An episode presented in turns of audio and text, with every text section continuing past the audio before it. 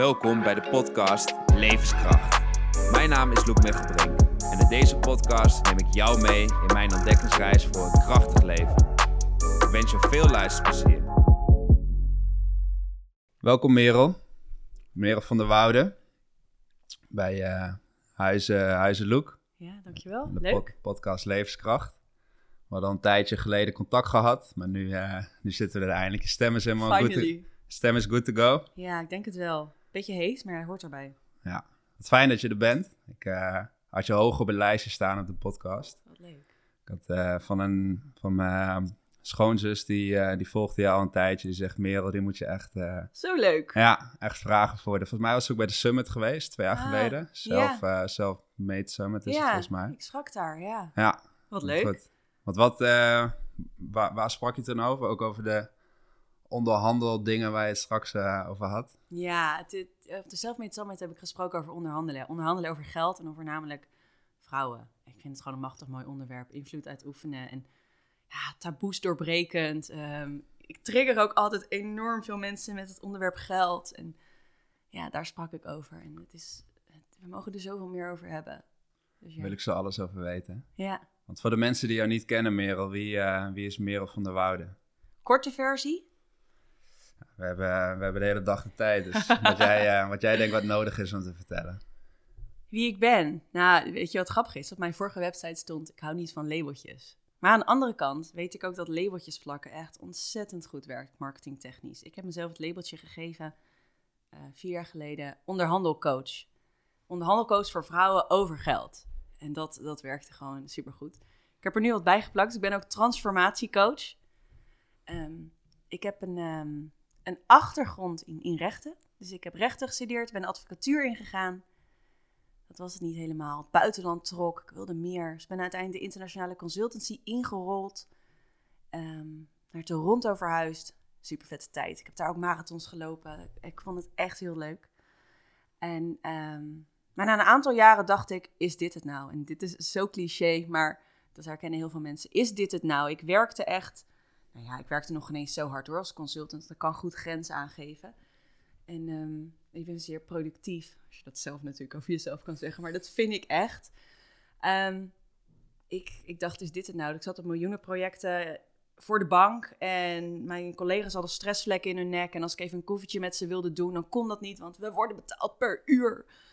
En ik verloor een beetje mezelf. Eh, dan als ik dan denk aan vroeger, dat meisje wat zich altijd inzette voor dierenrecht, mensenleed, eh, heel sportief was, maar ook heel gevoelig, connected met de natuur en de dieren en altijd opkomen voor onrecht. Heel uitbundig, altijd een beetje anders voelde ik me. En uiteindelijk in de corporate wereld ga je toch aanpassen. En waarschijnlijk zagen ze mij alsnog als het zwarte schaap, maar ik was al best wel veel aangepast. Ik droeg dan geen pak, maar ik had wel een colbertje aan. Ik had toch mijn hak aan. Ehm, ja, dat zijn toch wel dingetjes waarop je uiteindelijk denkt van ik ben een beetje in een malletje aan het passen. En dat uiteindelijk, ja, kon dat niet meer. En het, het, het interessante is wel, of het cliché is echt dat ik uiteindelijk eh, naar Hawaii ging, naar een super vet eh, evenement. En dat was yoga, mediteren, maar ook hele vette keynotes van mensen die allemaal het corporate leven hadden verlaten en uiteindelijk echt waren gaan doen waar ze goed in waren. Dus ja, ik was daar en ik weet nog dat ik een investmentbanker hoorde vertellen uit New York hoe succesvol die was. En, maar dat hij zich zo leeg voelde had hij zoveel geld in New York en succesvol. Maar ja, hartstikke veel werken. Is, is dit het nou? Toen dacht ik, ja shit, volgens mij steven ik daar ook een beetje op af. Ik was toen 29. En toen dacht ik, nee, het, het moet anders. Het moet stoppen. Ik moet iets anders gaan doen. Ik moet terug naar, naar die sparkle van mezelf. Of het moet met gelijkheid, rechtvaardigheid, vrijheid. Ik weet niet wat het is, maar ik moet stoppen. Dus ik ben naar ehm, Bali verhuisd, mijn baan opgezegd. Ik had toen een relatie van vijf jaar en toen dacht ik ook, ja, deze relatie is het ook niet. En toen, dan, dan kom je echt op zo'n moment in je leven waarop alles wankelt. Dus ik had geen geld meer. Nou ja, in de zin, ik had geen inkomen meer. Ik had volgens mij 12.000 euro waar ik dan van wilde leven een jaar lang. En dan had ik bedacht, dan ga ik naar Bali, ga ik mediteren, ga ik yoga doen, ga ik surfen. Ga ik gewoon even terug naar de basis van wie ik echt ben. In de natuur, loskoppelen wat ik dacht altijd te zijn. En nou, relatie verbroken. En toen bedacht, wat wil ik dan? En vanuit Bali mijn business opgezet. En dat is Blackbird Negotiations. Waarbij ik vrouwen help om beter te onderhandelen over geld. En dat is wat ik de afgelopen vier jaar gedaan heb met echt zoveel plezier. En daaruit is mijn nieuwe business weer ontstaan. Wat een mooi verhaal, uh, Merel.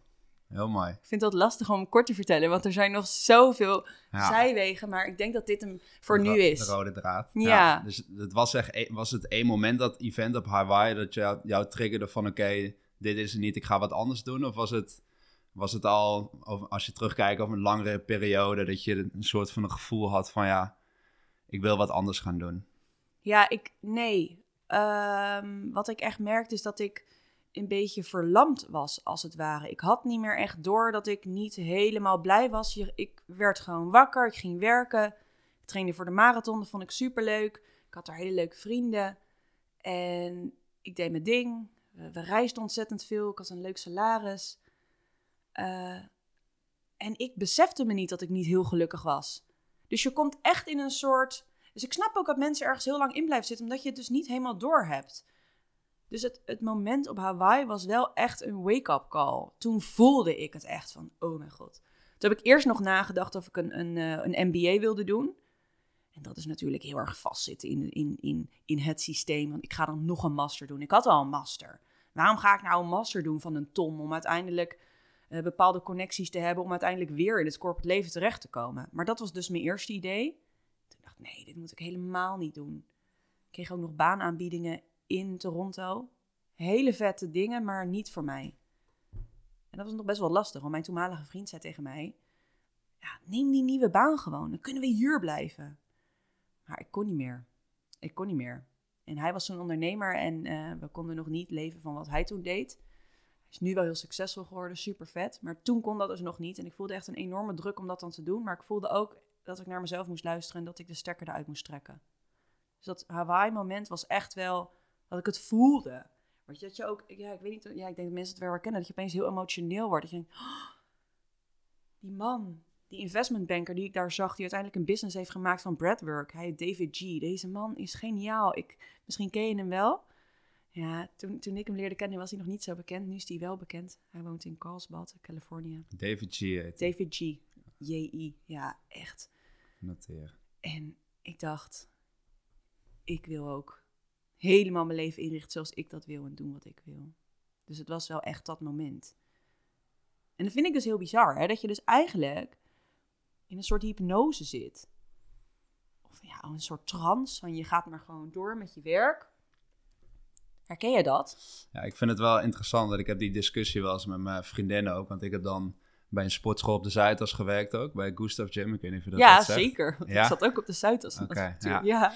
Dus daar werkte ik en ik ja, ik, ik, kon me daar nooit helemaal goed levelen met de mensen die daar kwamen. Omdat ik, ik zei tegen mijn vriendin van ja, het is zoveel ego, het is zoveel buitenkant. Iedereen doet zijn ding. En mijn vriendin die heeft dan ook vriendinnen die advocaat zijn op de Zuidas, et cetera. En die zegt oprecht van ja, sommige mensen vinden hun vak gewoon heel leuk. En dat snap ik ook. Maar alsnog ja, is het voor mij te veel een soort van echt buitenkant en voldoen aan de verwachtingen van, van de maatschappij, van je omgeving. En dit is zo'n wereldje op zich. En ik train nu nog steeds heel veel ehm, ja, mensen op de Zuidas uh, die echt wel hoog zitten. Um, maar alsnog, ja, ik, ik, weet niet, ik snap dat nooit. Dat hele wereldje vind ik heel moeilijk om, uh, ja, om dat te snappen. En als mensen bij mij komen trainen, als iemand een sportbroekje aandoet, ja, dan is voor mij iedereen hetzelfde. Of je nou de CEO van Axel Nobel bent of een uh, grote bankier of dat soort dingen.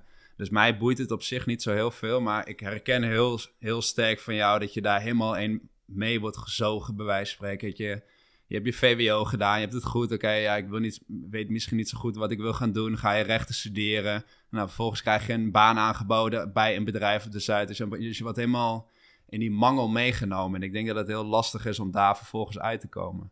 Ja, ja dat weet ik wel zeker. Want ik ik krijg echt best wel vaak berichtjes in mijn DM van advocaten en consultants die op de Zuidas werken en vertellen van, oh Miro, ik wil er ook zo graag uit. Je hebt bijvoorbeeld ook die Judith Noordzij of zo heet ja. zij, ja, of ja ik heb haar laatst ontmoet. Van oh, Eerst was ik advocaat en nu ben ik gelukkig. Precies. Bij Stibbe zat zij volgens mij, was Ik uh, weet dus even niet waar zij zat, maar... Volgens mij zat zij bij Stibbe, ja, want ik, ik trainde iemand die zat ook hoog bij Stibbe en die zei inderdaad dat zij ook daar zat. Dat, ja. Uh, en weet je wat ik wel echt geloof? Ik heb bijvoorbeeld ook bij Lois en Loef gezeten. En um, daar had ik zo'n leuke partner. Dat was echt mijn, dat was mijn eerste mentor. Deze man, weet je wat hij tegen mij zei? Dat was zo leuk. Um, ehm, ik wilde altijd, als ik iets deed, dan wil ik het op mijn, eigenlijk waar we het net over hadden, de genius zone wil ik het dan doen. Wil ik het op het hoogst haalbare niveau doen. Dus of ik nou de advocatuur in ging, of consultancy, of sporten. Of zeg, als je het nu aan mij zou vragen van, oké, zou je dit huis schoon willen maken, dan moet dat gewoon tip-top schoon. Alles je het nodig of niet? Eh, hint, hint. Het gaat altijd over schoonmaken bij mij. Ja, ja, oké, Maar alles moet Ik heb mijn best gedaan. In Nee, je hebt hartstikke je best gaan, maar Ja, alles moet bij mij gewoon op dat bepaalde niveau. Ja. De boekenkast Ehm, was wel goed gekeurd. Ja, de boekenkast kleur. waar ik nu naar kijk, die is op eh, kleur geordend. En dat vind ik zo vet. Ik hoor dat jouw vriendin dat heeft gedaan. Ik- dat geeft mij enorm veel rust in mijn hoofd. Eh, omdat ik heel veel chaos heb. Daarom zit jij ook aan die kant. Ik denk, kan ze gewoon naar de boekenkast kijken en dan... eh, dan, creëer, dan heb ik hier zo rust. Ja, precies. Maar wat wel leuk is van die partner, wat hij tegen mij zei. En eh, dat was van, eh, ken je zo'n autolampje, zei hij. Dat is dan zo'n heel klein lampje, wat dan een beetje zo eh, knippert. En het doet het niet echt, maar als je daar een paar keer goed tegenaan schopt, dan gaat dat echt zo hard branden. En dan wordt dat echt het grote licht. Toen zei hij, dat ben jij. En dat vond ik zo lief, want ik was toen stagiair en het was, ik vond het allemaal heel spannend. Ik had echt niet de beste cijfers. Ik was zeker niet de beste student. Ehm, kwam wel overal binnen, maar niet in mijn cijfers. Uiteindelijk wel een 8,5 voor mijn scriptie, maar ik had echt niet de beste cijfers. Dus dat vond ik zo leuk dat er wel iemand zat die echt die potentie in mij zag. Dus ik, ik, vind, ook, ik vind ook dat er echt wel hele interessante mensen zitten die daar echt op hun plek zitten. Maar ik denk dat er nog meer zitten die niet op hun plek zitten. Precies. Ja, Ja. dat denk ik echt. Nee, dat is echt zo. Ik heb ook iemand die ik train, die is partner of aandeelhouder zelfs bij Nauta. En die, ja, die vindt zijn baan oprecht leuk en die is oprecht heel erg geïnteresseerd in, het, in de hele advocatuur, et cetera. Ja, helemaal super. Maar inderdaad, het, ja, het blijft gewoon aparte wereld. En ook wat jij zegt, er zitten oprecht mensen die het leuk vinden. Maar ik kan me ook heel veel voorstellen dat er heel veel mensen zitten die echt in die mangel worden meegenomen. Uiteindelijk ja, op een plek komen wat ze niet, eh, dat ze niet gelukkig maakt. En wellicht dingen voor om, hun omgeving doen ten opzichte van wat ze zelf willen doen. Dat, ja, eh, dat, dat denk ik wel. En ik denk dat überhaupt dat dat sowieso toch nog heel veel, veel gebeurt. precies. ergens is een labeltje en een bepaalde status en een bepaald geld en inkomen natuurlijk voor veel mensen ook heel belangrijk. En wa- wat is dan, even tussendoor, maar wat zou een tip voor jou, voor, de luisteraar kunnen zijn? Als je wellicht de mensen die naar luisteren denken, hey, ik zit in die situatie, ik heb een baan, ik, ja, ik voel eigenlijk dat dit, dit er niet helemaal is. Wat zou een advies zijn voor die mensen die wellicht een stap willen maken naar, naar, meer vrijheid of een andere baan of een eigen onderneming? Heb je daar een bepaald advies voor? Ja, even denken hoor. Ik vind het wel een mooie vraag, maar het is natuurlijk zo persoonlijk. We- Welke vraag ik wel vaak stel is ook, wat deed je als kind waar je echt heel blij van werd? Weet je, ga weer op zoek naar de dingen waar je echt, het- weet je, dat je die sparkle in je ogen krijgt. En waar wij het net ook even over hadden voor de opname van, oké, je wordt wakker en je hebt zin om te werken. Weet je wat jij nu hebt? Je hebt zin om die podcast op te nemen. Ehm, dit had ik niet altijd op werk. Ik ging gewoon naar werk en mijn wekker ging. Als ik nu zin Ja. heb om in mijn bed te liggen tot 12 uur, doe ik dat. Ehm, ik werk met wie ik wil. eh, en dat is heel fijn. Dus ik zou kijken van... Wat vind je nou echt heel leuk om te doen? Pro- Probeer het plezier weer te vinden. En als je dat hebt, dan zou ik eens gaan kijken van... Waar ben je goed in? En dan zou je kunnen kijken, wat heeft de wereld nodig? En waar kun je geld mee verdienen? En dat zijn eigenlijk de drie tips die ik van mijn business coach heb gekregen... om heel makkelijk te beginnen met een eigen business. Met iets waar je goed in bent en waar je blij van wordt. Waarmee je ook iets goeds voor de wereld doet en waarmee je geld kunt verdienen. En dan zou je eens kunnen gaan kijken of, of dat een stapje is. Misschien kun je eerst een dagje minder gaan werken. Kijk, ik heb cold turkey dat niet gedaan. Ehm, en ik denk dat het heel erg voelen is wat je wil. Veel mensen willen graag zekerheid. Je hebt Terwijl- meer burn your boats.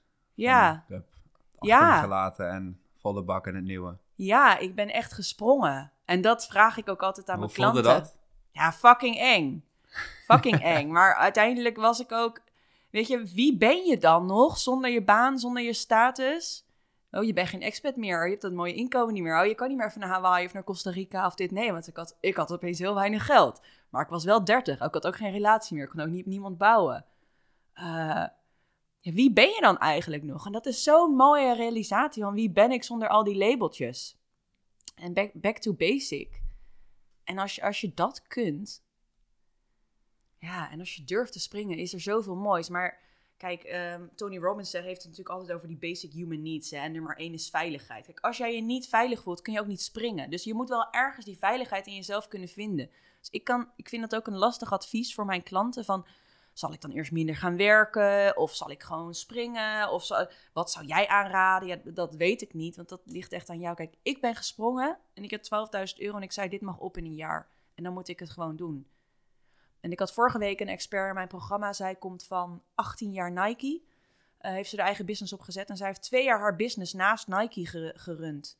En dat vond zij al een, enorme leap of faith. Eh, terwijl misschien ze nog steeds een, een steady income had. Dus het is ook zelf kijken van waar ben je comfortabel bij. Want als je natuurlijk volledig, ja dat weet je natuurlijk ook vanuit NLP, als je volledig in je angst zit en dan krijg je gewoon een tunnelvisie, dan kan je niks meer als je je niet veilig voelt, financieel niet. Dus het is dat echt afwegen. Ja. Dus je hebt die big leap, die heb jij eh, die heb je wel genomen. Je hebt die wel genomen. Ja. Ik denk ook dat ik die nog veel vaker ga nemen.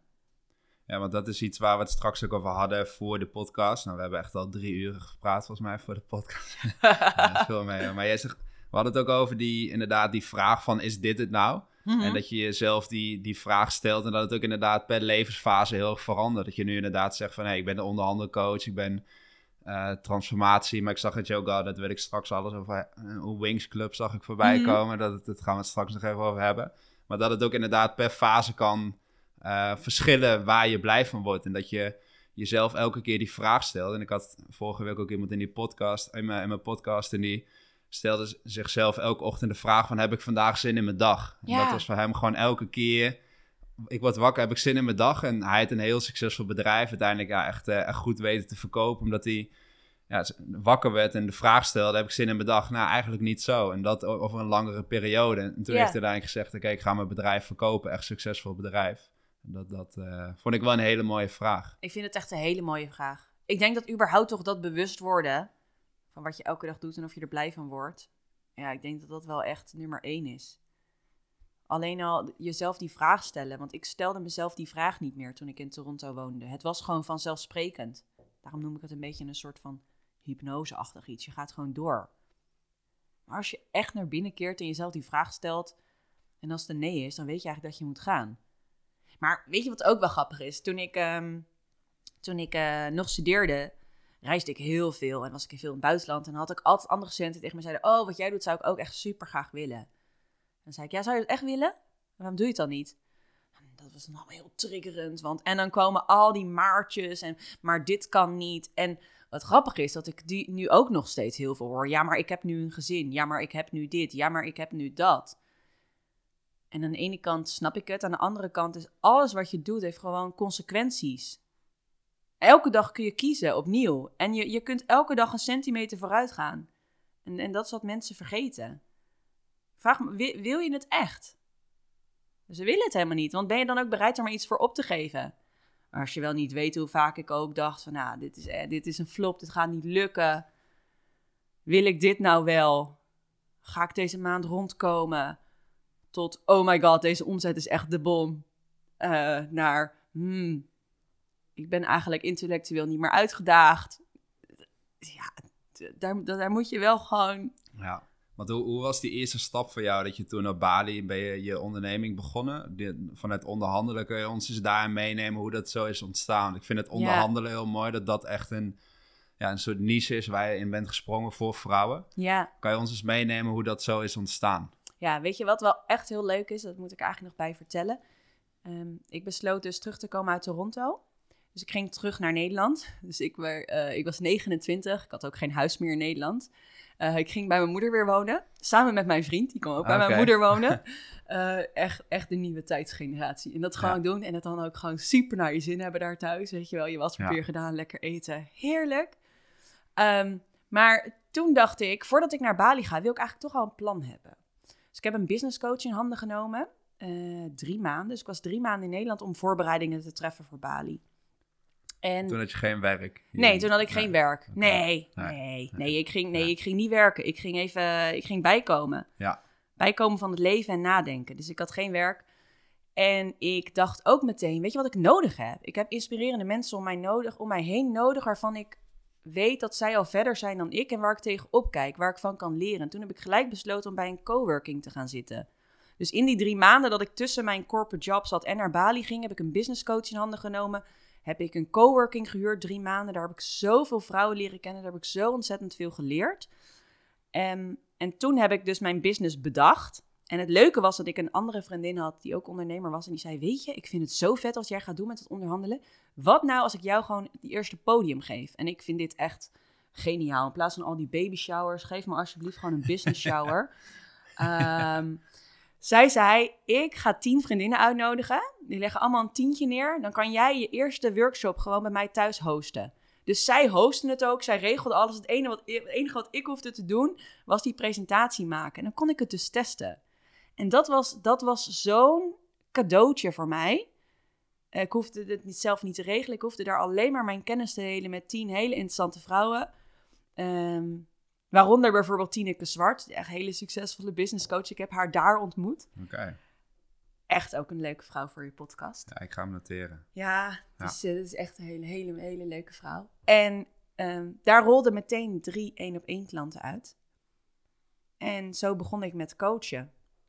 En doordat ik bij die coworking zat, die drie maanden, uh, kwam ik ook gelijk in, uh, in contact met journalisten. En omdat ik op een, op een vlak zat wat een beetje triggert, wat taboe is, onderhandelen voor vrouwen over geld, pakte de pers het heel snel op. Dus ik had al publicaties voordat ik in de KVK stond. Dus ik had al een kantoor gehuurd voordat ik in de KVK stond. Ik ben naar Bali gegaan. Ik stond niet in de KVK. Ik hoop niet dat dit uitkomt als jurist. Uh, nee, maar je mag het eerste jaar gewoon uh, geld verdienen zonder ja. ingeschreven te staan. En toen ben ik naar Bali gegaan. Dus toen had ik al een klein pakketje. En vanuit daar kon ik dus gaan bouwen. Een website. Ik had dus ook al een website en visitekaartjes. En wat triggerde jou om naar Bali te gaan? Was, stond het van tevoren al vast? Of was het iets wat je, was het iets wat je gevoel zei, ik moet naar Bali toe? Of? Mijn gevoel zei, ik moet naar Bali toe. Ik heb in 2009 volgens mij, ja, 2009 heb ik een uh, half jaar in Singapore gestudeerd. En ik ben er uiteindelijk, heb er uiteindelijk een jaar gezeten. Ik heb mijn scriptie nog geschreven bij een advocatenkantoor. En vanuit, ik weet niet of je wel eens in Singapore bent geweest, maar vanuit daar kun je echt zo makkelijk naar alles in Azië reizen. Dus toen heb ik heel veel gereisd, waaronder Bali. En het was elke keer zo'n thuiskomen gevoel. En toen ik dus in Hawaii was, riep alles in mij, je moet naar Bali. En ja, dat volg ik dan. Ik weet niet waarom. Ik wilde daar gewoon heen. Heel veel, heel veel keuzes, besef ik me, zijn helemaal niet gebaseerd op ratio. En als je toch ook kijkt naar ons, ons human brain, dan denken we dat we alles op basis van ratio doen. Maar dat is helemaal niet zo. Het is nee. super interessant dat we dat dan creëren en dat iemand zegt: zou je dan even kunnen rationaliseren of uitleggen waarom je die keuze maakt? Dat is zo'n mindfuck. Ja. ja. Echt. Geloof jij daarin? Nou ja, ik geloof wel dat je de ruimte in je hoofd moet hebben om uiteindelijk die keuzes te kunnen maken. En dat is ook wat jij straks mooi zei met die hypnose, of ja, die, die rush waar je in zit aan Toronto. Dat je dan letterlijk niet de ruimte in je hoofd hebt om die keuzes te maken. En dat, Ja. daarom vroeg ik ook, heb je toen gewerkt? Nee, ja, supergoed. Omdat je dan letterlijk ruimte creëert. Als er gewoon letterlijk geen ruimte meer in je hoofd zit, dan is ook geen ruimte voor nieuwe ideeën. En dat is...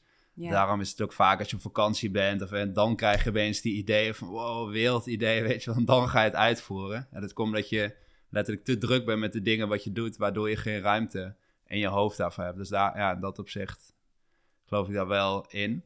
Ehm, is het ook even voor jou de reden dat je toen naar Bali bent gegaan om die ruimte te creëren? Of? ja, ik wilde echt volledig losweken van de, de corporate wereld, ehm, de grote steden, de rush. Er was altijd haast en ik was ook altijd gehaast. Eh, ik begon, ik begon ook overal te laat te komen, al was ik hier ook te laat. Ik heb er echt een handje van de laatste tijd. Terwijl ik altijd heb gezegd dat ik dat nooit zou doen. want Mijn vader komt ook altijd te laat. Maar ik moest even onthaasten. Ik moest disconnecten. Betekent dat iets voor jou als je altijd te laat komt? Is dat ja, nou dat is wel leuk. Vroeger vond ik als iemand te laat kwam, vond ik dat echt respectloos. Ehm, en dan dacht ik ook... Ik zat ik al te denken van Merel, die komt uit de corporate wereld. Misschien is het een tactiek of zo, dat ze dan eh, te laat komt. Nee. Ja, ik ben het, Nee, nee. zakelijk laat komen, weet je. Nee, eigenlijk niet. Nee. Eh, maar vroeger vond ik wel, als iemand dan te laat kwam, dan vond ik dat respectloos. Dan dacht ik, laat je mij nou wachten. Ja, En ik weet zelfs dat als ik wel, als iemand dan tien minuten te laat kwam en dan ging ik vroeger koffie drinken, ging ik gewoon weg. nou Dan had ik van die hele rigide, eh, dan moest het zwart of wit. en nou ja, dat slaat natuurlijk helemaal nergens op. Nu heb ik dat losgelaten, maar nu laat ik het dus los de andere kant op en kom ik dus echt heel vaak te laat. Dat vind ik ook heel vervelend van Ja. mezelf. Ja, het maakt mij niet. Ik heb met klanten heb ik het wel heel sterk. Als ik met klanten een uur coaching of een uur training, dan Ja. ben ik echt rigide. Ja, Ook als vijf minuten te laat komen, dan, dan zeg ik weer jij vijf minuten, ik vijf minuten. Dan ga ik gewoon vijf minuten wat anders doen en dan gaan we beginnen. Eh, dus daar en de volgende keer komen ze dan altijd op, eh, op tijd. Mhm. Dus daar ben ik heel streng in. Maar ik bedoel, zoals jou, we hebben, ik heb de tijd, dan maakt het niet uit. En het is de eerste keer dat je hier bent, dan snap ik het. Maar het is, met klanten ben ik daar wel echt heel, vind ik het gewoon, ik ben zelf, ben ik ook altijd op tijd. En dat is een, maar dat is ook grappig met mijn vriendin. Mijn vriendin is ook heel vaak te laat. Dus dat is ook wel weer een soort van balans of zo. Dat Ja. je elkaar daar, eh, daarin balanceert. dat Dus, ken ik wel. Mijn Ja. vriend is altijd te vroeg. nou ja. Dat vindt hij Ja. lekker, want dan kan hij nog even een koffietje doen. En dan hoeft hij niet te haasten. En ehm, die is Ja. altijd te vroeg. Zo en als we samen ergens heen gaan, dan, eh, dan zegt hij altijd... Ga, ga je je dan nu omkleden? Want we gaan dan zo. Hè? We gaan niet om jouw tijd weg, Ja, zegt hij dan zo herkenbaar. Ja, dat is grappig. Ja. Ik vind het ook helemaal niet lekker, dat haasten. Nou ja, ik ook niet. Maar dat is... Ik weet niet waarom ik het dus doe, maar het, het is wel zo dat als ik dus in een stad woon, zoals bijvoorbeeld hier in Amsterdam, ben ik veel gehaaster dan wanneer ik op Bali woon. Oh ja. En daarom voelde ik aan alles dat ik een, ik, I needed island life. Want Ben je in de stad geboren? Of? Ja, In ja Amsterdam? wel, nee, in Rotterdam. Oh ja. Maar wel in, in de suburbs. Dus. Maar ja ik, ja, ik kom wel echt uit Rotterdam, wel uit Ja. de stad. Want ik merk dus als ik te lang in de stad ben geweest, zoals af en toe ga ik dan terug naar mijn ouders, maar ik merk als ik te lang in de stad ben geweest, dan voel ik dat gewoon helemaal in mijn lichaam. Voel ik gewoon ook die ruimte in mijn hoofd, te weinig ruimte in mijn hoofd. Dus gewoon als je alleen door de stad fietst, alle indrukken, Ja. et cetera. En dan ga ik een weekend naar mijn ouders of een nachtje en dan merk ik gelijk helemaal weer, valt het allemaal van me af. Ik weet niet Ja, hoe dat jij dat ervaart, ik, maar Ja, dat herken ik echt heel erg. Ik merk gewoon dat de natuur en de rust, maar ook ruimte om je heen, geeft dus ook ruimte in mijn hoofd. Oh, dat is wel maar grappig. ook want thuis, wat je zegt. Ja. Over- ja nee, precies. Dit wilde ik Ja. net gaan zeggen, inderdaad. Want thuis. Ik ben dus bij mijn vriend ingetrokken vorig jaar.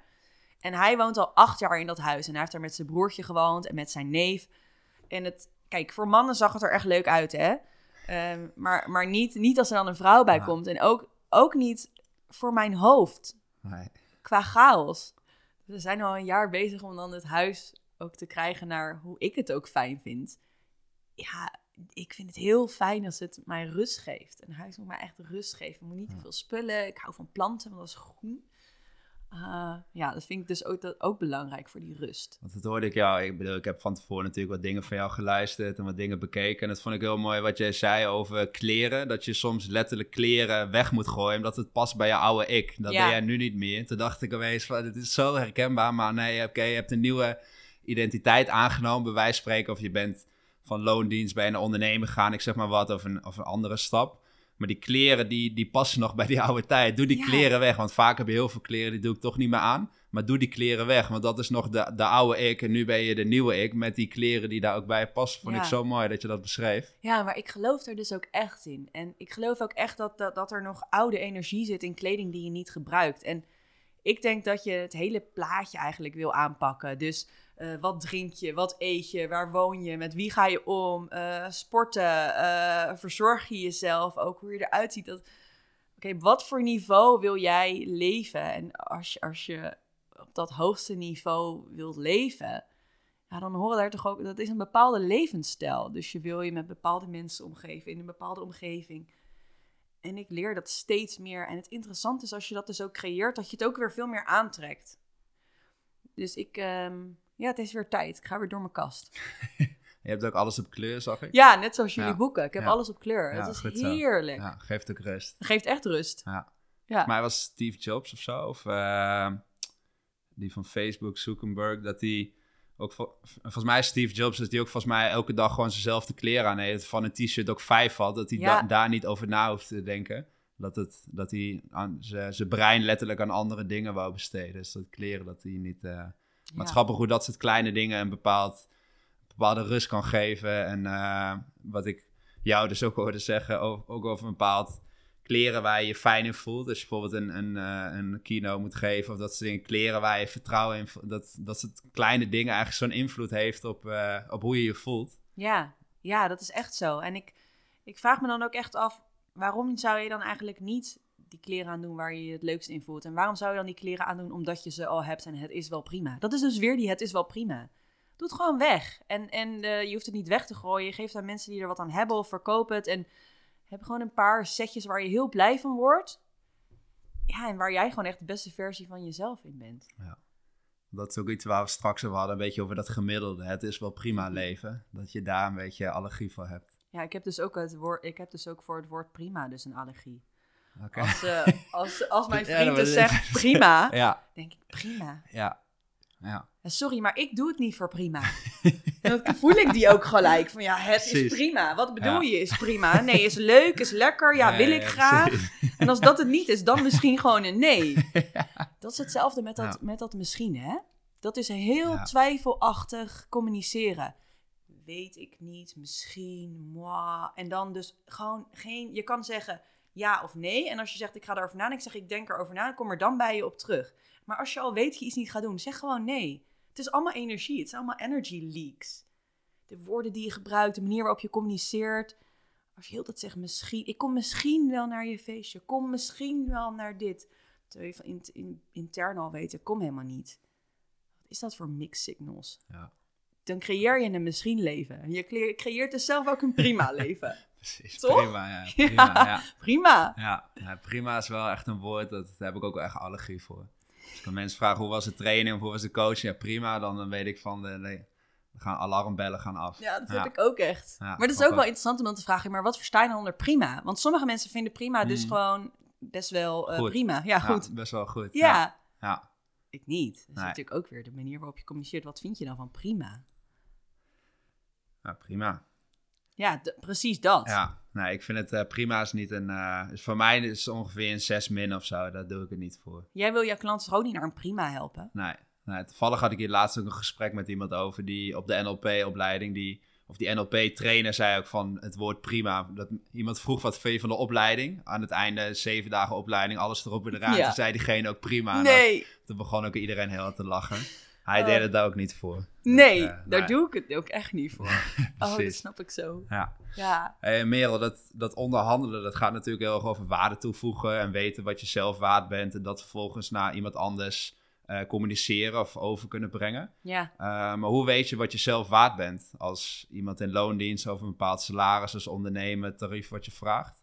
Ja, door, door marktwaardeonderzoek te doen. Als je, een, als je een werknemer bent bijvoorbeeld, dan wil je eerst kijken van oké, wat, wat voor positie zit ik op? Wat is mijn opleiding? Hoeveel jaar ervaring heb ik? Ehm, en dan zou je eens kunnen kijken, kan ik in, bij, de salarisschalen, kan ik daar kijken intern van hoe zit dat eigenlijk? Welke functie verdient hoeveel? Welke verantwoordelijkheden hangen daaraan? Dus dan kijk je eerst intern, dan ga je extern kijken. Daar heb je allemaal tools voor. Platformen, je hebt bijvoorbeeld nu ook een, een Nederlandse die best wel goed is. Salariskompas van Intermediair.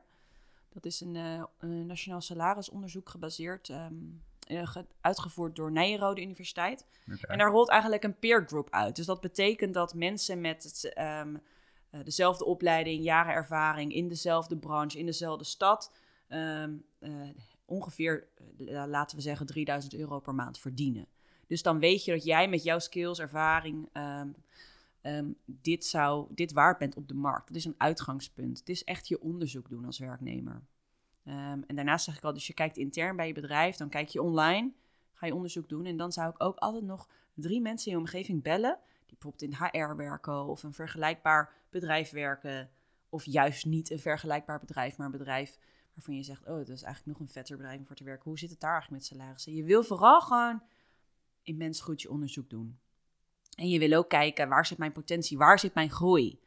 Oké, als ik nu dit verdien en dit is mijn marktwaarde, eh, klopt dat bij het bedrijf waar ik werk? Wat, zijn, wat, wat is nou eigenlijk de toegevoegde waarde die ik heb? Waar wil ik dan heen groeien? Oké, welke salarisschaal zal dat dan zijn? Dan, dan kun je ook echt jezelf goed verkopen. Want ja, ik krijg gewoon zo vaak mensen bij mij die eigenlijk helemaal niet onderzoek doen. Ze weten helemaal niet wat ze waard zijn. En ze kunnen het ook helemaal niet staven op objectieve criteria. Ja, maar ik hoorde daar ergens een keer op de markt dat Pietje dit verdiende. Het is gewoon, het, is, het is, zijn gewoon geen sterke argumenten. Je hebt echt sterke argumenten nodig. En als je die ook hebt, enige antwoord dat je dan kunt krijgen is: ja, wij hebben het budget niet. Of wij willen dat niet betalen. Dat is prima. Dan mag je zelf bedenken: wil ik ergens werken waardoor, waar, waar ik eigenlijk niet gewaardeerd word volgens mijn ja, principes en wat ik heb uitgezocht? En dan is het aan jou. Ga je weg of blijf je? Weet je hoeveel mensen blijven en dan continu klagen? Ik snap dat niet. Ja, dat is niet, niet het juiste volgens mij als je dan, als ze zeggen je kunt het niet betalen, maar dat je dan voor minder, eh, akkoord gaat, bij wijze van spreken. Nee, ik denk dan echt dat het tijd is om te gaan als werknemer. Maar in ieder geval wel weten wat je zelf waard bent. En als, men, als ze dan zeggen, ja, dat kunnen we betalen. Oké, als we kunnen niet betalen, dan is het eigenlijk een soort van exit. Maar dan Nou ja, heb- ja. weet je in ieder geval wel wat je zelf waard bent. Ja, ik, ik zou altijd aanraden van wil je daar dan nog blijven werken als je voor een bedrijf werkt wat jou niet het, het geld, eigenlijk de waardering geeft die je wel zou willen ontvangen en ook zou kunnen ontvangen. Als je kijkt naar, naar je marktwaardeonderzoek, dan moet je jezelf echt achter de oren krabben of je dat überhaupt wil. Ja. Kijk, en waardering zit natuurlijk niet alleen in geld. Hè. Waardering is tweeledig. Aan de ene kant financieel, ik bedoel, dat zijn twee kanten. Aan de ene kant heb je financiële waardering en aan de andere kant heb je dat schouderklopje. Dus dat jij je werk goed hebt gedaan, dat jij waarde toevoegt, dat je iets vets doet. Als die, twee, als die twee goed zijn, dan is het in balans en dan voel je je gewaardeerd. Als één van de twee niet goed is, dan krijg je zo'n knagend gevoel. Of je hebt superleuk werk, maar je krijgt te weinig geld. Of ehm, je, je verdient wel veel geld, maar je vindt je werk niet leuk. En hier in Nederland hebben we zo'n of-of mentaliteit. Dat mensen dan tegen mij zeggen, ja, maar ik heb toch liever een leuke baan. En dan zeg ik, ja, maar wat nou als je en een leuke baan hebt en goed geld kan verdienen, zodat je je gewaardeerd voelt. Waarom gaan we altijd voor die minimale prima? Alsof je moet kiezen. Je kunt toch en en doen. En, en dat is ook, dat is waar, waar je naartoe wil gaan. Van ik voel me en gewaardeerd, de- financieel, en ik heb een leuke baan. Allebei. Want hoe doe jij dat bijvoorbeeld vanuit je eigen onderneming? Dat je, je hebt bijvoorbeeld een, eh, een product dat heet eh, Transformation Nest. Ja. Ehm, nou, daar, daar hang je een bepaalde waarde aan. Mhm. Hoe, hoe heb jij die waarde bepaald? Of hoe, hoe zeg je van dit is het bedrag wat ik daarvoor ga vragen? Hoe, hoe kijk je daar zelf als ondernemer naar? Nou, ik, ben, ik heb dat vorig jaar december heb ik dat bedacht. Wat houdt het in? Even kort voor de Ja, luisteraar. Transformation Nest is een drie maanden programma voor maximaal acht vrouwen. Waarin we groeps- en één op één coaching doen. Echt voor die vrouwen die klaar zijn voor de volgende stap in hun leven. En dat is ehm, zowel eh, op persoonlijk vlak, als op spiritueel vlak, als op strategisch vlak. Het kunnen dus zowel werknemers als ondernemers zijn. Het zijn wel vaak, als het werknemers zijn, werknemers die ondernemer willen worden. Maar wat ze uiteindelijk allemaal willen, is die volgende stap in hun leven. Die willen, ja, die willen uiteindelijk echt gaan doen wat ze het leukste vinden, maar ze durven ergens niet. Dus je hebt, je hebt dan gewoon die cheerleader nodig en die groep en die uitdaging. En het, het gaat alle kanten op. Dus het is hoofd en hart. Aan de ene kant doen we healing sessies, aan de andere kant zijn we bezig met strategie. Dan heb ik het over intuïtie, mannelijke en vrouwelijke energie. Maar er komt ook eh, een Olympiër spreken over wat is een Olympische mindset. Eh, er komt een dokter spreken over hoe je kunt omgaan met je emoties. En dat, dat drie maanden lang. En je ziet gewoon als mensen committen drie maanden lang aan een programma. En het doet een beetje pijn, die investering. Heb je hogere commitment. En als je een iets hogere prijs hebt, dan heb je ook mensen die in zichzelf geloven. Dat zeg ik ook altijd. Van hey, gefeliciteerd dat jij denkt dat jij dit bedrag waard bent. Dat je het wil neerleggen. Jij gelooft dat jij genoeg verandering kunt doorgaan. Dat je dit wil neerleggen. Ehm, en weet je wat heel interessant is? Eh, nou, dan vertel ik zo dan wel over de Wings Club. Dat is nu een iets, Ja, ja, ja. lagere, Dat is iets lagere prijs, moet je me zo even herinneren. Ja. Het is moeilijker om de Wings Club vol te krijgen dan de Transformation Nest. Ja. Het is zo, Dat is echt zo bizar, interessant. Ja. Nou ja, dat laat me ook weer nadenken. Ik lanceer 1 december de Wings Club. We gaan even kijken. Maar hoe ik dus Ja. de Transformation Nest ben begonnen Maar qua... dat, vind ik, maar dat vind ik tussendoor even interessant. Ook die commitment wat je zegt. Mhm. Dat inderdaad, er zit een bepaalde commitment bij. Ik kan ook Ja. wel eh, mijn coaching voor de helft doen, bij wijze van spreken. Maar het commitment is letterlijk minder vanuit de klant. Als dat het, zie je echt. het is letterlijk een bepaalde waarde wat je toevoegt. En de waarde daarvoor is het tarief wat je vraagt. Maar het is ook dat commitment inderdaad. Dat is zo, ja, dat is zo eh, herkenbaar dat je dat zegt. Maar het is zo belangrijk. Ja, Want daardoor hebben mensen dus echt dat ze zeggen: Oké, ik ga drie maanden in Transformation Nest. Nou, ik vind het een flinke investering, maar ik geloof dat ik dat eruit haal. En dat betekent dat ik commit. Elke week volg ik die masterclass. Elke week eh, ben ik bereid om een stapje te zetten naar het doel wat ik over drie maanden wil. Want het leuke is dat we aan het begin natuurlijk kijken van waar sta je nu en waar wil je heen. En elke deelnemer die definieert haar doel. Dus voor iedereen is het ook anders. Maar hoe ik begonnen met een Transformation Nest is... Ik dacht, hoeveel vrouwen zou ik kunnen coachen? Wat zouden ze daarvoor willen betalen? En hoe zou ik nou goed kunnen starten om te testen? Ja, een, een pilot, dacht ik. Ik ga een pilot draaien. Dan wil ik tien vrouwen drie maanden lang coachen. Dan, en dan ehm, vanuit daar ga ik kijken of het een succes is. Dus dan maak ik er een, eh, een, eh, een, een pilot van en dan krijg ik reviews van ze. En dan ga ik daarna eens kijken of dat lukt. En die was echt binnen een week gewoon uitverkocht. Had ik tien vrouwen erin zitten. Toen heb ik hem voor 1700 euro ex-BTW gedaan voor drie maanden. Toen dacht ik, Want ik dacht ook, oké, maar wat wil ik dan ook verdienen? Zo begin ik ook vaak met mijn Oh, ja, klanten. ja. Wat wil ik dan verdienen? Hoeveel uur wil ik daarvoor werken? Hoeveel dagen wil ik daarvoor werken? Ehm, dus als ik 10, oh ja, ik had 17k wilde ik dan in die eh ex-BTW, volgens mij was het iets meer, volgens mij wordt het 20k, eh, omzetten voor het Transformation Nest. dacht ik, oké, dan kan ik kijken en als de reviews goed zijn, dan kan ik het gaan aanpassen. En dat heb ik gedaan. En toen heb ik eigenlijk gelijk mijn prijzen verdubbeld. Gewoon verdubbelen. Mensen zijn altijd zo bang voor. Waarom nou? Waarom ben je nou bang voor? Als je denkt dat je die waarde levert. Ik was weer binnen anderhalve week vol. De tweede keer, terwijl ik mijn prijzen verdubbelde. En dan zeggen mensen altijd van, ja, maar ja, hoe weet je dan dat je de juiste waarde levert? Ja, stap 1 is natuurlijk dat je goed bent in wat je doet. Als je niet goed bent in wat je doet, dan kan ik je ook niet heel goed helpen om bijvoorbeeld beter te worden in onderhandelen. Want het is uiteindelijk wel gebaseerd op dat je goed functioneert als ondernemer en ook als werknemer.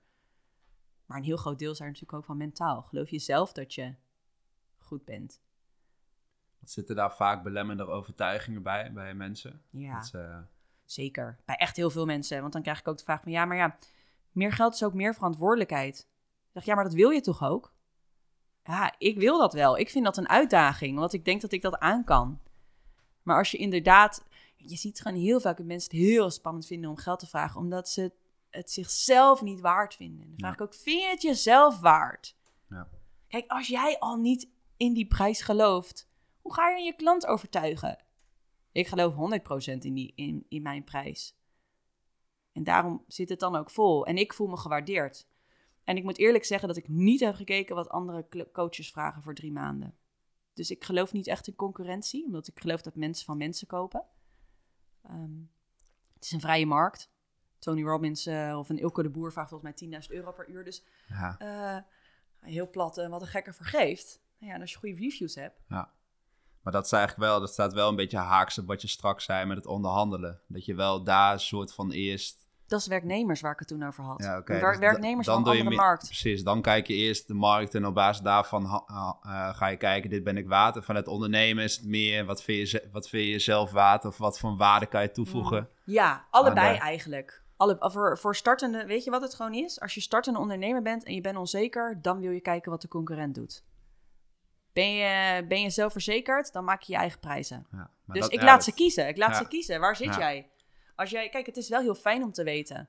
Maar ik zeg ook altijd, ja, als iemand dan zegt, ja, dan ga ik, dan ga ik naar die voor die prijs. En Maar moet je vooral doen. Weet je, iemand Ja. moet intrinsiek gemotiveerd zijn om naar mij te komen, met mij te werken. Want anders eh, word ik er ook niet blij van. Nee.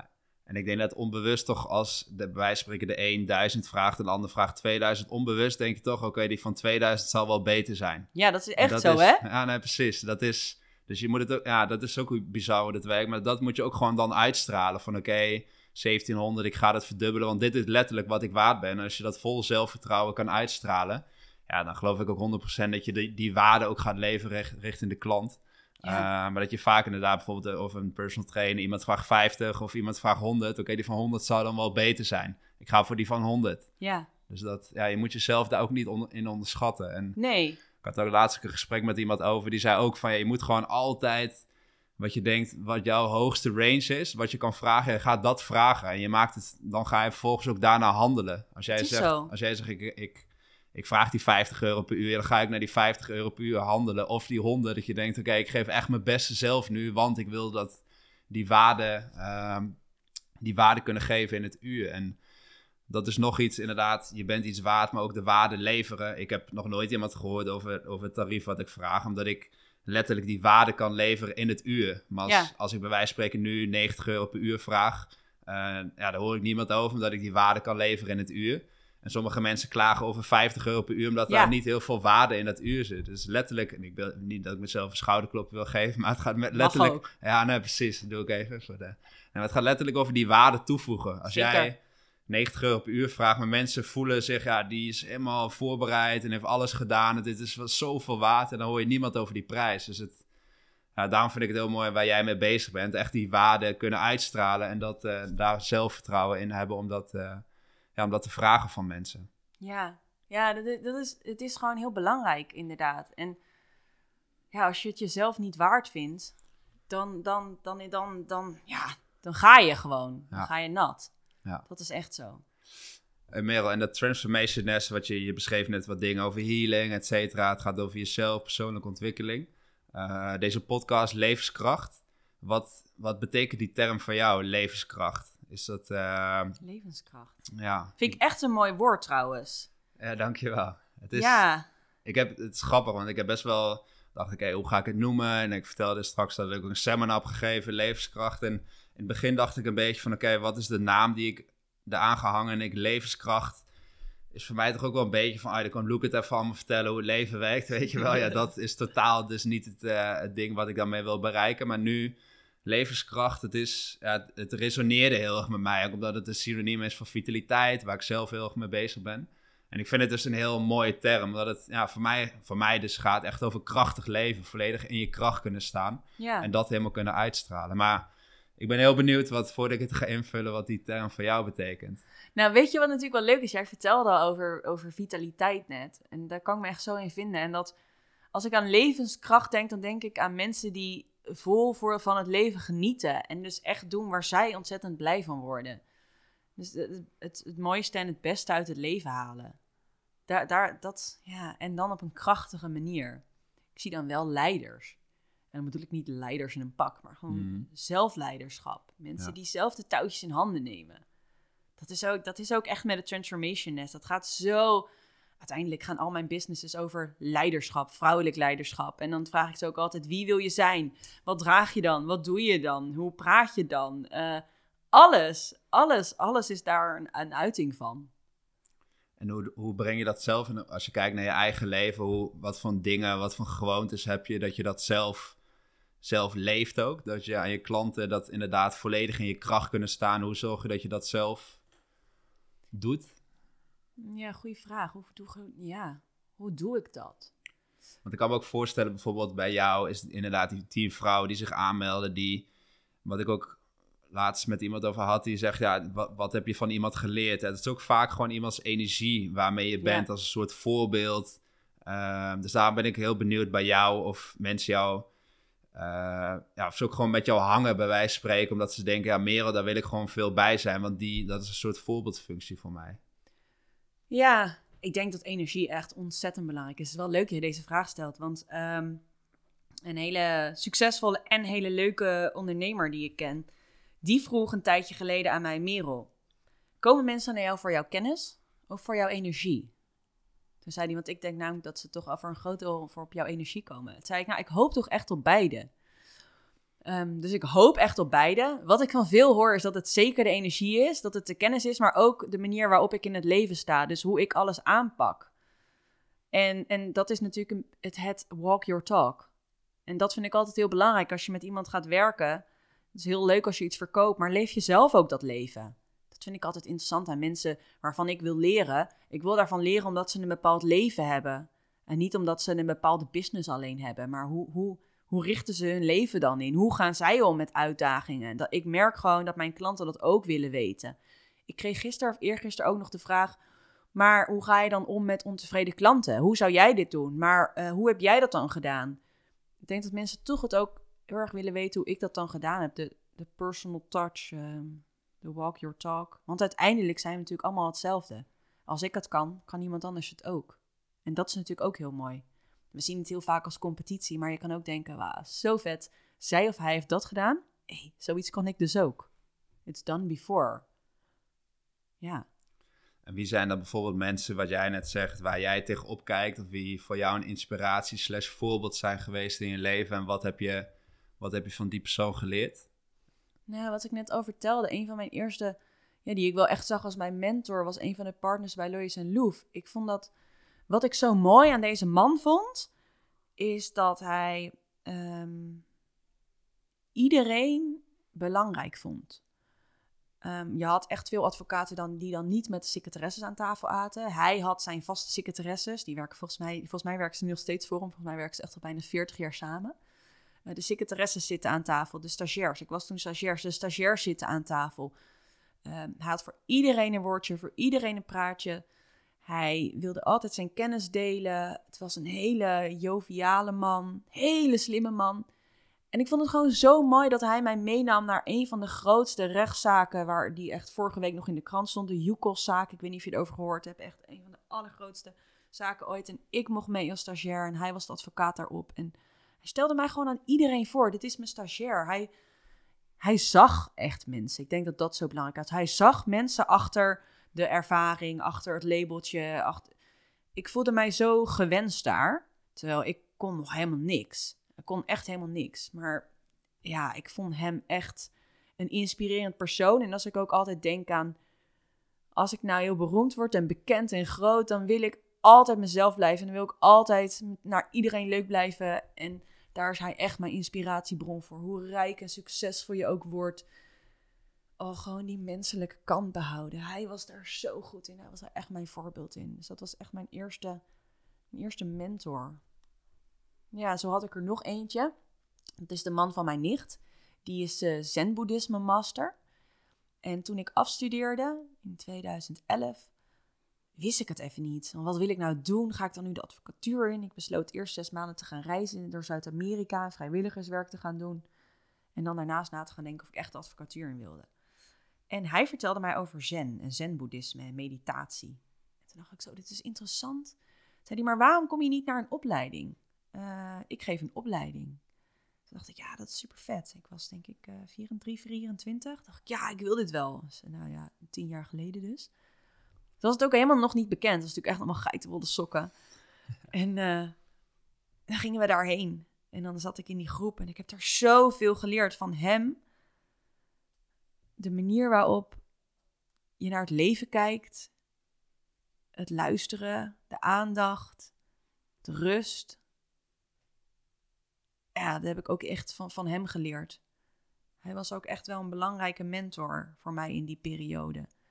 Dus ik heb twee cursussen uiteindelijk gedaan, de vervolgcursus Zen-boeddhisme. Wat eigenlijk haak stond op de dingen waar je mee bezig was wellicht. Dat je daar naar de, de, corporate wereld in ging. Dat dat soort van tegenpolen daarin. Ja, en dat is ook wel mijn balans juist. Dat ik ook in heel veel verschillende werelden en verschillende rollen kan stappen. Maar dat ik juist daardoor bijvoorbeeld de natuur nodig heb, of de meditatie, of mijn sporten, of mijn breathwork, of mijn healing. Dat dat juist, it keeps me grounded. Als ik heel hard werk, als ik, dan, dan is dat zo'n lekkere tegenhanger. Dus ik vond, het, ik vond het heel interessant, maar het was wel leuk, want het was tegelijkertijd ook mijn valkuil, dat zen-boeddhisme. Want het heet echt training of the spine. Ja. Dus het, uh, je leert dan twee keer per dag 20 minuten te mediteren op een uh, meditatiekussen en je, je keek naar een witte muur en je zat daar ongeveer ja, 50 centimeter vandaan en je staarde alleen maar voor je. En het was de bedoeling dat je niet bewoog. Ook al had je pijn, ook al deden je knieën pijn, nee, want het was training of the spine en training of the mind. En ik nam dat dan natuurlijk allemaal weer super serieus, dus dat moest allemaal twee keer per dag, 20 minuten. En ik ging daar weer helemaal heel geforceerd in. En je handen moesten op een bepaalde methode zitten. En toen ging ik uiteindelijk naar uh, Kyoto, Japan, om daar meer te leren over zen-boeddhisme en mediteren. En toen kwam ik daar in, ehm, in zo'n hele mooie, ik weet het woord even niet, waar je dan heen gaat, tempel of zo. Tempel, ja. ik moet even tempel. Ze hebben een ander woord voor. Maar toen kwam ik daar zo'n hele mooie tempel en er zat daar zo'n Japanse zenmaster. En we zaten in een kring en we begonnen met mediteren. En Eén iemand deze handen in een rondje, de ander deze op elkaar. Uh, die ander zat niet op zijn matje, die zat er één te bewegen. Nou, en ik ging er helemaal slecht op, want mensen deden dan niet volgens de regels. Dus dat was zo'n grote les voor mij. En daar heb ik zoveel van geleerd dat ik tegenwoordig, want ik vroeg uiteindelijk aan die zenmaster van, maar hoe, hoe werkt het dan? Moet ik dan met mijn handen zo en zo? En zei hij, well, you've got to just implement it into your life and do whatever works for you. It's not always two times 20 minutes a day. En make it work for you. If you can do five minutes a day, that's already awesome. Maar dat zag ik niet, want ik moest dan weer volgens de regel 20 minuten. En dat is zo'n grote les geweest dat ik sinds toen altijd alles doe op mijn manier. Dus dan ga ik een breathwork uh, opleiding doen en dan, um, dan moet ik bijvoorbeeld 20 eh, minuten dat elke ochtend doen. En dan weet ik veel, ik zet geen eens een wekker en doe ik gewoon tot wanneer ik het voel. En dat is zo'n bevrijding. Dat heb ik daar geleerd. Ja, wauw. Ja. Want wat is sowieso als bijvoorbeeld de Merel van tien jaar geleden beschrijf je net, wat als, als die hier binnenkomt lopen en die gaat bij ons aan tafel zitten. Wat is het advies wat je aan haar zou geven voor de hele corporate tijd waar je toen bent ingegaan, de hele Toronto tijd moet nog komen, het eigen business opstarten. De Merel die net is afgestudeerd, als die, wat voor een advies zou je haar geven? Hmm. Ja, ik zou eigenlijk een andere vraag. Ik zou het dus niet anders doen. Uh, en ik heb ook nergens spijt van. Omdat het me echt gevormd heeft. Omdat ik deze lessen ook nodig had om te worden ja, eigenlijk wie ik nu ben. Dus het maar het advies zou wel zijn dat ik niet zo streng voor mezelf hoef te zijn en niet zo hard. Ik kan zo veroordelend naar mezelf zijn. En ik heb, eh, en ik heb weinig geduld voor mensen en weinig geduld voor mezelf. Als iemand iets niet snapt, dan vind ik dat heel irritant. Staat er toch? Dan denk ik, ja, ik had het gisteren weer. Ik echt denk, rustig aan. Waarom verval je hierin? Waarom doe je dit? Maakt helemaal niet uit. En dan, dan, dan, dan stap ik weer, dan ga, stap ik in mijn eigen valkuil. Moet snel, efficiënt, moet uitdagend zijn. Ehm, ja, dus dat, dat zou me echt mijn advies zijn. Doe wat liever tegen mezelf en wat meer waarderen wat ik al heb. Niet altijd dat streven naar meer en beter. Terwijl ik aan de andere kant vind ik dat natuurlijk super vet. Om in je genius zone te zitten en continu het beste uit jezelf te halen. Maar ik denk dat het woord balans ehm, ja, een goede samenvatting is. Ja. Balans. Mooi. Ja. En als laatste, ik zag dat je eh, de Wings Club bent begonnen. Ja. Dat, eh, eerst was het iets volgens mij met de naam een beetje dat het vorm eh, moest worden gegeven, Ja. et cetera. Het is nu uiteindelijk de Wings Club ge- eh, geworden. Zou je er iets meer over kunnen vertellen? Ja, het is ontstaan vanuit, eh, van eigenlijk vanuit het Transformation Nest idee. Omdat ik nu eh acht tot tien vrouwen help in drie maanden. Ehm, en daar, die maken gewoon zulke transformaties mee. Het is zo vet om te zien, om, ja, om ze echt die vleugels te zien uitslaan. En fijn, finally te gaan doen wat ze echt, echt willen. Dat podium te gaan pakken. Ja, uit hun comfortzone te gaan. Toen dacht ik, als ik nou meer impact wil maken en ik weer meer vrouwen help, hoe kan ik dat dan doen? dacht ik, als ik dit programma dan in een groep draai en ik haal de één op één coaching eruit en ik maak hem iets langer, zodat je wel de commitment hebt, dan kan ik alsnog die mensen helpen om te bouwen aan een nieuwe wereld. Weet je, een nieuwe manier van zijn, een nieuwe manier van leven, een nieuwe manier van werken. En dan kan ik een community creëren die dat ook allemaal willen. En zo is de Wings Club ontstaan. En dat is een veel lagere prijs. Het is eigenlijk eh, het is 200 euro per maand, 199. En het Transformation Nest is 1111 per maand. Maar het interessante is, is dat het Transformation Nest veel sneller volgaat dan ehm, Wings Club.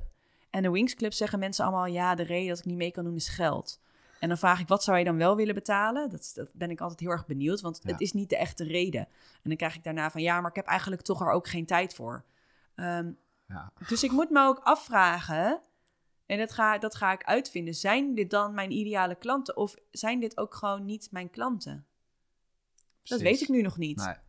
Dat is heel herkenbaar, want ook met het intake, nou, dan vertel ik mij het tarief van, van de trainer of coach. Zeg ja, mensen, ja, ik vind het wel een beetje duur. Ik zeg ja, dan, dan, dan passen wij niet bij elkaar. Dan, eh, ja, dan ben jij niet mijn klant, wat helemaal prima is. Maar dat, precies ja, de dat. dingen wat ik wil leven, letterlijk de waarde wat ik aan jou wil geven, wat eh gelijk staat met het tarief wat ik vraag, ja, dat, dat is letterlijk wat ik het waard vind. En eh, ik heb mijn opleidingen gedaan, ik heb mijn dingen gedaan om uiteindelijk die waarde te kunnen leveren. Dus dat Ja. is wat ik het waard vind. En dan als dat niet strookt met elkaar, ja, helemaal eh, prima bij wijze van spreken. Maar dat, eh, Ja. Ja, dan is het ook prima, want dan, ja, dan passen we niet bij elkaar. En dan, eh, ja, dan vind je wellicht iemand anders. Maar de klanten die ik nu heb, ja, die, die hoor je daar niet over. En die heb, heb ik nooit over mijn tarief gehoord. Ja, dat zijn mijn klanten. Dat, Ja, eh, maar dat is dus ook echt zo. En dat is natuurlijk ook wel een hele mooie vraag. Met wie zou je dan het liefst willen werken? Want ze zeggen ook vaak met de klanten die je nu werkt, dat ze- zijn niet jouw potentiële ideale klanten voor de toekomst. Ja, als je nog een stapje erbij zou kunnen doen, wat voor klanten zou je dan willen helpen? En voor, welk, voor welk bedrag? Want inderdaad, ja, de waarde die jij levert en de kwaliteit die jij levert, daar staat een bepaald bedrag tegenover. Feel free to go to someone else, weet je wel?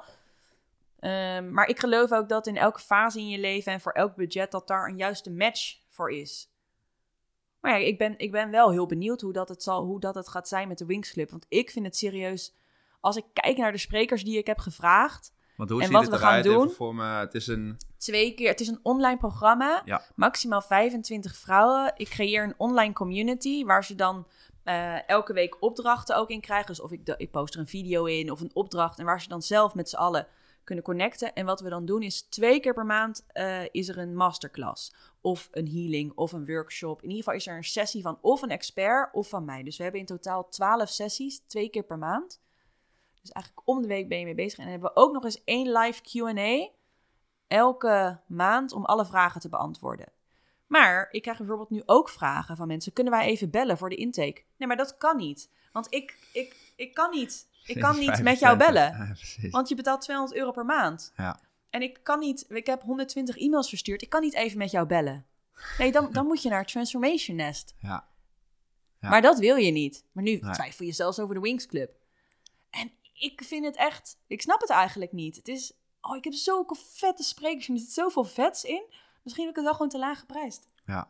Misschien is dat verdubbelen. gewoon. Ja, precies. Misschien moet ik Ja. hem gewoon verdubbelen. Precies. En dat is ook een beetje wat ik straks zei met die prijs inderdaad. Als je denkt het is laag, oh, dan zal het wel een beetje eh, gemiddelde zijn. Het zal wel een prima programma zijn. Het is, Ja, ja, het is gewoon verdubbelen bij wijze van spreken. eigenlijk Maar dat- wel. Maar ja. ze krijgen natuurlijk nu niet die één op één erbij. Dus ik vind Nee. wel ook dat daar een verschil in zit met, met prijs natuurlijk. Ja, Maar ik, Ja. denk, ja, ik denk dat ze echt ontzettend veel waarde krijgen. En Ja. ik vind de Winksclub gewoon super vet, omdat je dan echt je club, ja, je hebt je echt je Precies, clubje, echt je je, je community. creëert, waar je ook zes maanden aan commit. En voor heel veel mensen is dat ook echt enorm uit hun comfortzone. Hè? We gaan het hebben over sacred sexuality en Hmm. ehm, female flow dance en, en ja, baarmoeder healings. En ja, het is gewoon uit je comfortzone, maar alles gewoon voor persoonlijke groei. ja. Dat is fucking vet. Heel vet. En Ja. vrouwen, dat is altijd iets waar je op zou blijven. Dus ooit is het ook weer Ja. een fase in je leven. Ja, waar misschien Je, wel. ik bedoel, het is niet dat mijn baarmoeder healing heel vet lijkt, maar het is wel... Of dat een bepaalde keuze is dat je alleen... Ja, het is wel een bepaalde keuze, zeker op dit moment. En ik ben natuurlijk begonnen met onderhandelen, omdat veel vrouwen dat lastig vonden en dat veel vrouwen ook minder betaald kregen. Daar zag ik wel echt een niche in. Dat, Ehm, nou, dat is eigenlijk nog van een hele andere podcast, maar dat is ook nog wel een bizar ding natuurlijk. Dat dat nog, nog steeds ja, vandaag zeker. de dag gewoon als je...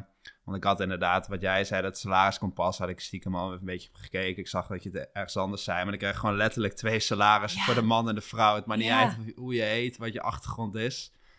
Dus Heftig, dat is een soort van missie voor jou, omdat... Ja, vanuit dat gelijkheid, rechtvaardigheid en vrijheidsidee. Ik vind het, ik ga gewoon heel slecht op onrechtvaardigheid. En ik vind het gewoon heel mooi om, dat, om daar mijn steentje in bij te dragen. Dus zo is het echt begonnen dat ik me op vrouwen heb gefocust. En het Transformation Nest zit ook heel erg op de vrouwelijke cyclus. En Hmm. Ehm, maar er is zoveel over mannen bekend. Kijk, al het, bijvoorbeeld al het medische onderzoek is altijd gegaan op mannen, hè?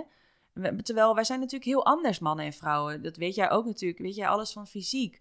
Eh, we zijn zo, mentaal zijn we anders, maar fysiek zijn we ook zo anders met onze hormonen. En vrouwen die de cyclus hebben. We zitten natuurlijk, eigenlijk per week zijn wij anders waar we in onze cyclus zitten. Dus voor ons is, is, is een 9 tot 5 baan ehm, vier weken lang is ook helemaal niet te doen. En ja, daarom heb ik nu op vrouwen gefocust, omdat er zoveel te winnen valt. Maar het leuke is wel dat ik dus heel de tijd mannen krijg die geïnteresseerd Ah, zijn. nee, ik ben oprecht ook geen ja, en dan krijg ik dus geïnteresseerde Ja. mannen. Ja. Maar ik voel die nog niet helemaal. Ja, ik, weet je wat leuk eh, is? ja, ik doe dus wel één op één coaching met mannen. Dat doe ik wel. Maar in de groep, nee, nog niet. Nee. Misschien, ik denk dat ik daar dan ook gewoon nog niet klaar voor ben. Je moet ook wel iets kunnen dragen. Ja. Ja. Ja, maar dat is dan ook weer een fase waar je dan wellicht over een tijdje denkt dat dat... Maar dat moet ook weer vanuit het gevoel Ja.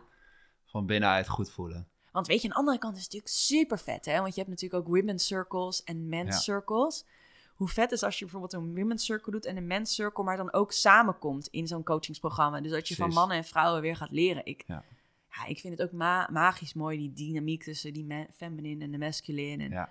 Ja. daar zit ook nog, ik weet niet, daar ben ik ook enorm geïnteresseerd in. Ja, ja. Misschien zouden we dat samen moeten opzetten, eh, Merel. Wellicht in de, in de toekomst. Oh, dat zou een mooie zijn, inderdaad. Zo, dat zou Ja. vet zijn. Ja, Inderdaad. ja nee, ik vind dat inderdaad hoe die dynamiek is tussen mannen en vrouwen, dat kunnen samenbrengen, dat is heel Ja, mega. en ook het, en het loskoppelen. Hè? Dus echt dat de mannen bij elkaar zijn en de vrouwen. Je ziet gewoon als mannen bij elkaar zijn en vrouwen bij elkaar, dan, dan zie je gedrag. En als het samenkomt, dan zie je weer zulke Ja. andere dingen ontstaan. Dat is Ja. heel bijzonder. Ik vind het ook heel bijzonder. En die men's circles waarin dan ook emoties worden besproken en, en eh, waar het over gevoel gaat, dat is zo nodig. Ja. En dat we dan weer met z'n allen bij elkaar kunnen komen. Ja. Ja, ik, ik vind dat echt fucking vet. Ja. Nou, wie, wie weet? Wie weet, er komt er weet. een nieuw idee uit. Precies, wie Ja. weet. Hey Merel, als mensen contact met jou willen opnemen of nou, naar, dit, naar deze podcast geïnteresseerd, waar, wa- via wat kunnen ze jou eh, bereiken of vinden? Het makkelijkste is onder mijn eigen naam, Merel van der Woude. Dan kom je op mijn website uit of op Instagram. Mailen is altijd beter. Ja. En dat is Engels hello at merelvanderwoude.com. Mijn Insta-DM, die zie ik wel. Maar als ik het druk heb en ik lees hem eh, en hij eh, is zeg maar niet meer gemarkeerd als nieuw, dan is hij weg.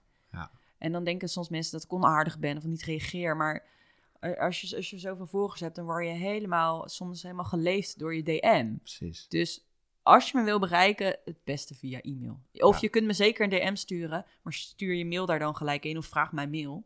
Ja. Maak het concreet. Volgens Ja. mij had jij mij gedM'd, had ik toen ook gevraagd of je Ja, wilde ja, mailen, ja, hè? precies. Ja. ja, ja. Mijn, mail, mijn mail heb ik gewoon een systeem voor. En dan die beantwoord ik. Dat is mijn business. Ja. En dat is prioriteit. Dat moet ook. Dus, eh, beter over de mail. Beter over de mail. En het was hello at... merelvanderwoude.com Ja, oké. Top. Leuk. Ja, dankjewel voor je tijd, eh Jij Merel. dankjewel. Ja, prima podcast. Prima. Oh my god, ik hoop het niet. Nee, superleuk. Dankjewel. Dankjewel. Ja, dat was hem weer, lieve mensen. Ik hoop dat je hebt genoten. Laat even weten wat je ervan vond. En dan spreken wij elkaar snel weer. Maak er een mooie dag van en tot de volgende.